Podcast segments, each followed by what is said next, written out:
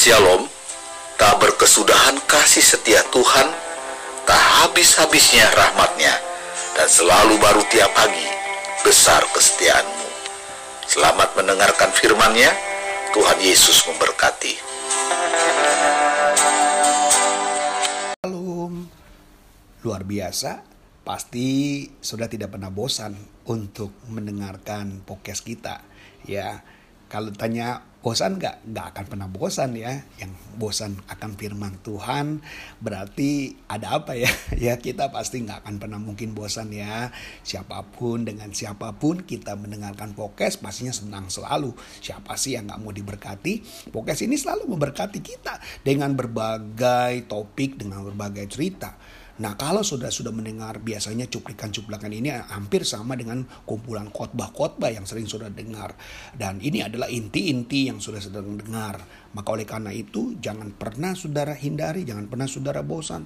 Ambil kesimpulannya karena semuanya berarti buat kehidupan kita.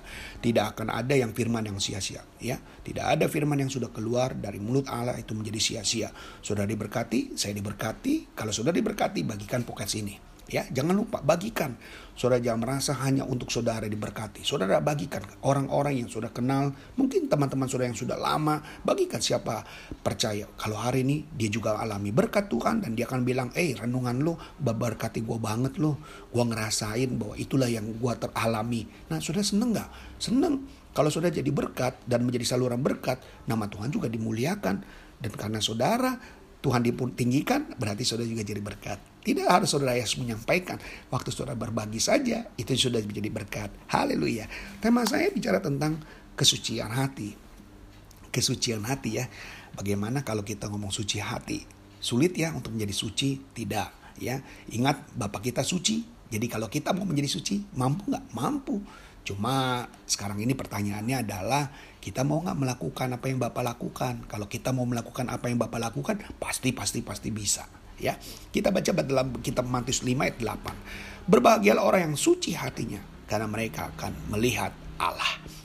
Yesus menetapkan syarat berjumpa dengan melihat Allah adalah dengan suci hati ya pasti. Bukan cuma karena uh, kesucian lahiria, tapi kesucian hati yang radikal ya kita punya tantangan terbesar dalam kehidupan kita saat ini. Inilah yang membuktikan kita, ya. Istilah suci mengarah kepada pembersihan batin, ya. Yesus mengambil jawaban dari dari segala sesuatu yang dia sudah alami dalam setiap langkah kehidupannya. Ya, kita percaya setiap orang yang ingin hidupnya sesuai dengan apa yang Tuhan inginkan, yang hidupnya yang Tuhan mau, rasanya akan mudah, Saudara.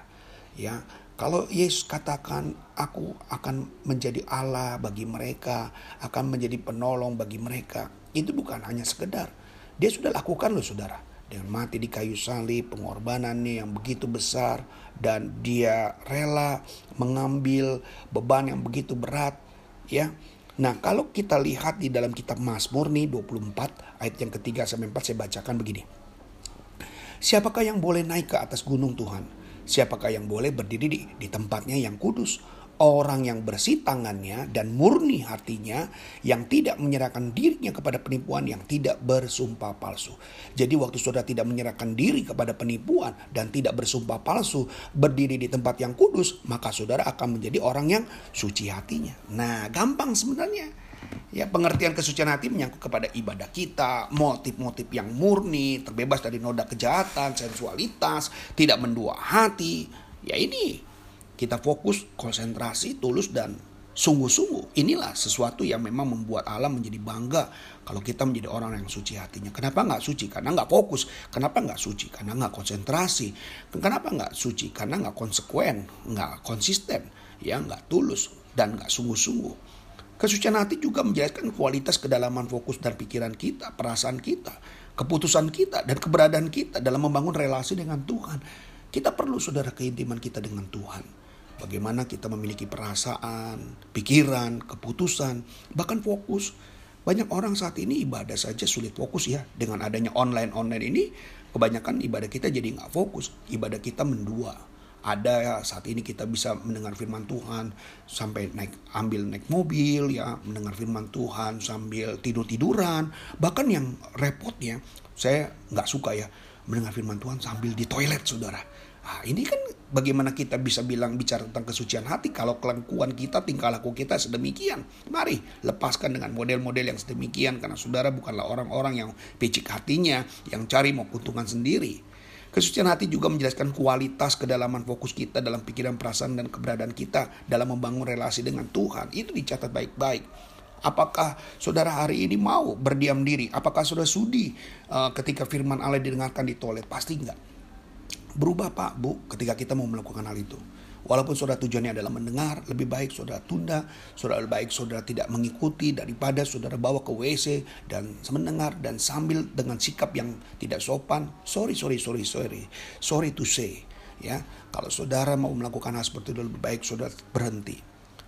Sama orang lain saja saudara tolak untuk tidak uh, untuk menghargai agama saudara. Tetapi kita sendiri kadang-kadang yang melecehkan agama kita sendiri. Maka pelecehan-pelecehan yang sering kali terjadi bukan orang luar, kita sendiri. Sikap yang tidak, uh, sikap kita yang tidak uh, suci hati. Ini yang saya katakan. Nah mari kita lihat Semakin besar kesucian hati kita dalam relasi kita kepada Tuhan, maka kesempatan yang Tuhan berikan, ketajaman fokus yang Tuhan berikan, bahkan kita akan melihat pekerjaan Tuhan semakin hari menyerupai Kristus pasti akan terjadi. Lalu sudah bertanya, Pak Yoel, apakah ada keuntungan? Iya pasti dong. Kesucian hati itu ada upahnya, ada keuntungannya. Kita akan mudah untuk berdiskusi, kita akan mudah berkomunikasi dengan Bapa. Bahkan kita gampang berjumpa dengan Tuhan. Kan dikatakan, siapakah yang boleh naik ke atas gunung Tuhan? Siapakah yang boleh berdiri di tempat yang kudus? Orang yang bersih, murni hatinya.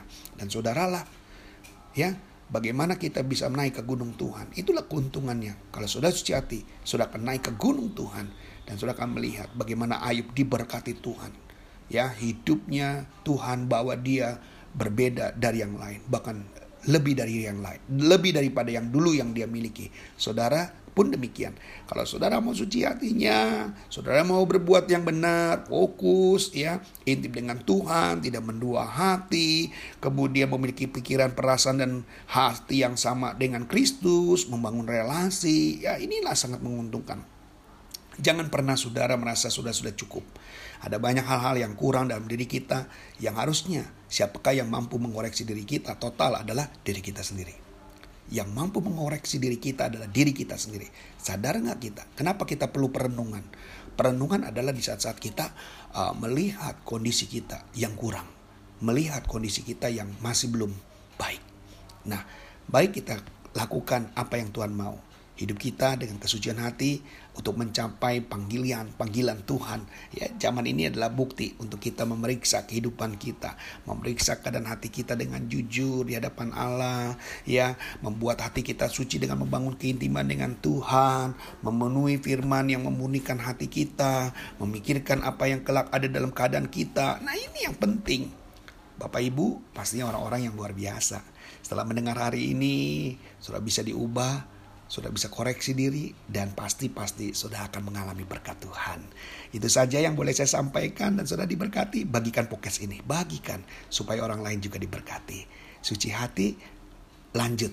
Tuhan pasti memberkati. Shalom.